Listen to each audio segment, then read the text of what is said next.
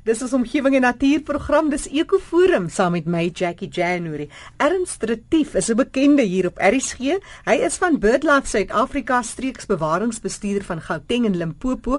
Ernst, en vandag het jy kom kuier. Ons praat altyd telefonies, want jare terug het ons gepraat juis oor die voëlatlas. En nou sê jy jy wil weer bietjie gesels oor jou voëlatlas. Is dit nou 'n nuwe atlas? Nee, Jackie is nog steeds dieselfde een. Ons kan nie glo die tyd het so verbygegaan nie. Die, die Atlas projek is nou in sy 6de jaar, gaan ons sy 7de jaar toe in 2007 begin. Die Atlas projek is eintlik 'n ongelooflike projek waar gewone voëlkykers die geleentheid gegee word om data um, in te gee of in te stuur um, oor waar hulle voëls in Suid-Afrika sien. So wat ons gedoen het, ons het die land so oor die 17000 blokke verdeel. Ons noem elke Atlas blok 'n pentat wat verwys na 'n 5 by 5 minute blok. En wat voelkykers doen is hulle gaan nou uit en hulle vat hulle notaboeke saam en hulle gaan teken die voels aan wat hulle in 'n spesifieke blok sien volgens sekere wetenskaplike protokol. Nie klink nou baie ingewikkeld, mm -hmm. maar eintlik baie eenvoudig. Hulle teken maar net die voels aan in die volgorde wat hulle sien en hulle dui aan wanneer hulle die lysie begin maak en na uur en elke 2 ure dui hulle aan uh, wanneer hulle die spesies of van wanneer 2 ure verby is en dan sleutel hulle hierdie data um, in op die web of hulle het 'n programmetjie wat hulle kan gebruik om dit in te sleutel ensovoorts. En al hierdie data word dan gestuur na die Animal Demography Unit by die Universiteit van Kaapstad. En soos ek sê, ons is nou al vir 7 jaar uh, met hierdie projek besig. En net onlangs het ons die 5 miljoenste rekord ingestuur vir hierdie projek. Dis goed. En so oor die 1200 na 1300 mense het al oor die 7 jaar um, data ingestuur. En ek moet sê die reaksie wat ons gekry het van van voelkykers en van die algemene publiek en RSG se luisteraars spesifiek. En RSG, ek is baie seker daar's baie van hulle wat ook aan die projek deelgeneem het. En ek wil net sê dat jy weet wat vir ons ongelooflik is, is ons begin nou agterkom hoe waardevol is hierdie data. Ehm um, kyk ons het in die 1990s die eerste Suid-Afrikaanse voelprojek gehad. Um, ek seker daar's ook baie luisteraars wat dalk mm. aan daardie projek deelgeneem het. Dit ons nou vir 'n hele paar jaar geen Atlas projek gehad nie, wat eintlik baie jammer is, want nou met SABAP 2 kan ons nou die data begin vergelyk tussen SABAP 2 en SABAP 1. En nou sien ons hierdie geweldige veranderinge, maar ons kan nie eintlik verduidelik wat in die middel in hierdie periode gebeur het nie. Maar dit is nou vir ons baie baie goed om hierdie data te kan vergelyk. En so kan ons nou partykeer in sekere spesies sien dat hulle verspreidingsgebiede dit ver vergroot. Anders kan ons sien dat deur hierdie tydperk het hulle verspreidingsgebiede miskien geskuif of het dit verklein. En al hierdie data help ons nou om om die spesies beter te verstaan. Uh en natuurlik vir bewaring is belangrik om te weet waar voëls voorkom. Ek bedoel hoe bewaar jy nou as jy nie weet waar voëls voorkom nie? So al hierdie data is vir ons geweldig belangrik om om vir ons hierdie vrae te kan beantwoord. So as iemand belang sou stel en wil deel te wees van hierdie projek, wat staan om te doen? Ja, ehm um, ek wil net dadelik sê is dat hierdie Atlas projek, ons gaan nie weer die fout maak van Salwap 1 om te stop nie. So hierdie projek gaan voort. So as daar luisteraars is wat graag aan hierdie projek wil deelneem, hulle kan vandag begin. Daar's geen rede vir hulle ons ons gaan nog vir baie jare gaan ons hierdie projek ehm um, besig um, aan die gang hou. Luisteraars is meer as welkom om na die projek se se webtuiste te, te gaan. Dit is sabab2.edu.org.za. Spel dit gou-gou vir ons eers. Sabab2 is net S A B A P 2.edu vir Animal Demography Unit.org.za. En al wil jy nie aan die projek gaan deelneem nie, wil ek luisteraars eindooi mm. om sommer net na hierdie projek um, webwerf te gaan kyk. Jare terug toe ons met hierdie projek begin het, het ons gedink Ag jy weet ons gaan so 'n bietjie terugvoer kry oor die projek en dit sal nou lekker wees maar ons het nooit in ons drome gedink dat ons die soort van data terugvoer gaan kry op hierdie projek as wat ons tans het nie. Mense kan daar gaan kyk na die verspreidingskaarte van die voëls soos die data ingesleutel word en dit gebeur lewendig as ek nou die data instuur dan opdateer hierdie kaart outomaties. Daar's ons kaarte grafieke wat wys oor my voëls se migreringspatrone. Ehm um, dis net absoluut ongelooflik om bietjie op hierdie webwerf te gaan speel en net te gaan lees. Selfs ehm um, atlassers het deur die jare honderde stories geskryf oor dinge wat hulle beleef het in die veld en party van dis nou nogal lekker komies om te gaan lees. So ehm um, mense kan die die stories gaan lees van atlassers om te ja. sien wat het hulle beleef ensovoorts. Maar um, maar hoe geloofwaardig is die inligting? Dat jy nou nie mense wat jy weet almal speel nie altyd mooi saam nie. Ja.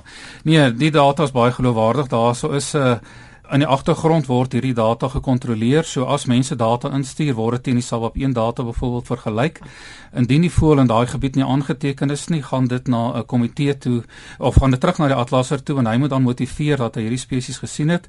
Dit gaan na 'n komitee toe wat dan die data evalueer en dan eers word die voël aanvaar um, vir daardie spesifieke rekord. So ek kan nie sê dat dit absoluut 100% korrek is nie, maar ek sal nie verbaas wees as ons kan sê is 99.5% korrek nie. Hmm. En vir die data wat verkeerd is, is vir voëls wat miskien dan net een of twee keer in die blok aangeteken gaan wees en ons stel nie regtig belang in daai data nie. So so mense kan regtig sê dat hierdie data is is is baie waardevol.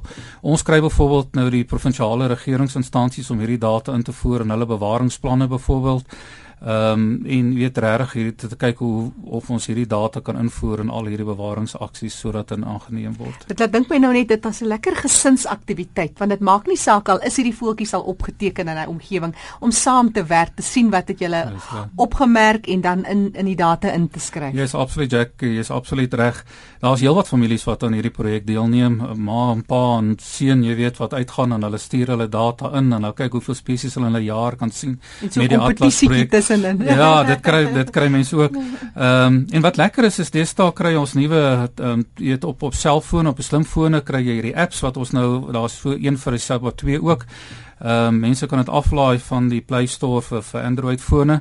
En weet so jy ry met jou foon rond, ehm um, hy lees die GPS lesing so waar jy presies is.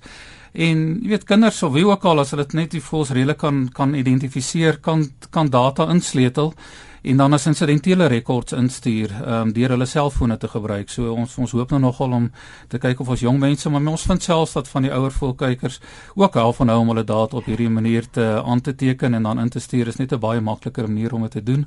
Nou praat so nou van die ouer volkykers net gou-gou erns. Jy praat nou van 'n baie tegnologies gevorderde stelsel en ons praat van 'n atlas. Gaan jy uiteindelik iets wat jy in die hand kan vashou uitbring of bly dit maar op hierdie tegnologiese manier op die internet beskikbaar? Ja, ons het vandag toevallig 'n vergadering daaroor gehad. Ons het nog so 'n bietjie uh gesels daaroor of ons um, iets gaan uitgee. Ek twyfel half of dit gaan gebeur. Uh maar dis nie onmoontlik nie. Dit mag dalk nog gebeur. Natuurlik is daar nou weer um befondsing nodig daarvoor maar op hierdie stadium is dink ek gaan die eerste doelwit gaan wees om op die web um, self um, 'n dokument te hê of mense kan gaan na spesifieke spesies tekste dan ja. gaan kyk na hoe hierdie spesies. Ons ek sê luisteraars moet byvoorbeeld gaan kyk na die um, Indiese spreeu. Ek wil jy's gepraat het oor indringer spesies in die uitheemse indringers. En ek bedoel dit is een van die mooi voorbeelde wat luisteraars kan gaan kyk tussen Sawap 1 en 2 wat mense wys hoe hierdie voëls se verspreiding geweldig. Ja. En baie ander spesies, meer inheemse spesies wat um, wat uitgesprei het na die Wes-Kaap toe. Ehm um, dis regtig ongelooflik om hierdie data dop te hou. Ek dink is vir julle 'n pluimpie en ook vir die publiek vir die samewerkingsooreenkomste en hoe mense kyk voelkykers is so oud soos die berge en daar's ander mense wat so 'n bietjie afgewyk het wat nou wil bome kyk en gras identifiseer. Dis ook goed want dit alles Absoluut. is werk saam in een simbiose, hmm. maar voelkyk bly maar 'n belangrike tydverdryf. Die die die die mooiheid van hierdie hele projek vir my is daardeur uit te gaan, die natuur te geniet, jou stokperdjie te beoefen, lewer jy 'n belangrike bydrae tot bewaring en dit is dis as absoluut niks ekstra moeite vir jou nie jy moet net so 'n bietjie leer hoe om die data in te stuur en te verstaan hoe die kaarte werk en so aan dit leer jy baie gou-gou ja en veral as jy 'n jong kind in die huis het word dit gou geleer en uh, soos ek sê deur net te gaan en jouself te geniet jou sterk sokwerkie beoefen draai by tot 'n bewaringsprojek en hierdie data is regtig dan be be belangrik vir bewaring en dit is vir my die die mooiheid van hierdie van hierdie projek gee net weer vir ons hy webtuiste en hoe mense te werk gaan om te registreer goed dit is sabap 2 sabap2.edu.org.za. En al die inligting is daar, baie verbruikersvriendelik. Al die inligting is daar, is baie maklik om um, al deur die webbladsy te kyk. Ehm um, regtig en soos ek sê baie baie interessant.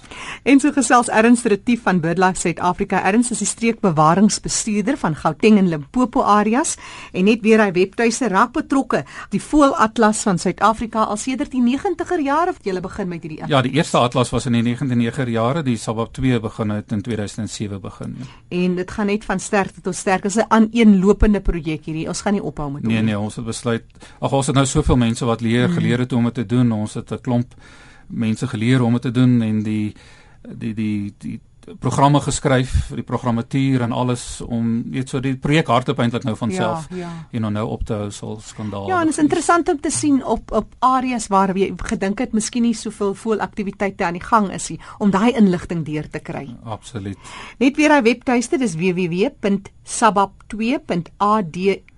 www.sabap2.adu.org.za. Ek spel dit vir jou. Is S A B A P 2 sabap2. ADU soos jy dit stel en dit staan vir wat nou weer Animal Demography Unit. Animal Demography Unit so dis adu.org.za so dis sabap2.adu.org.za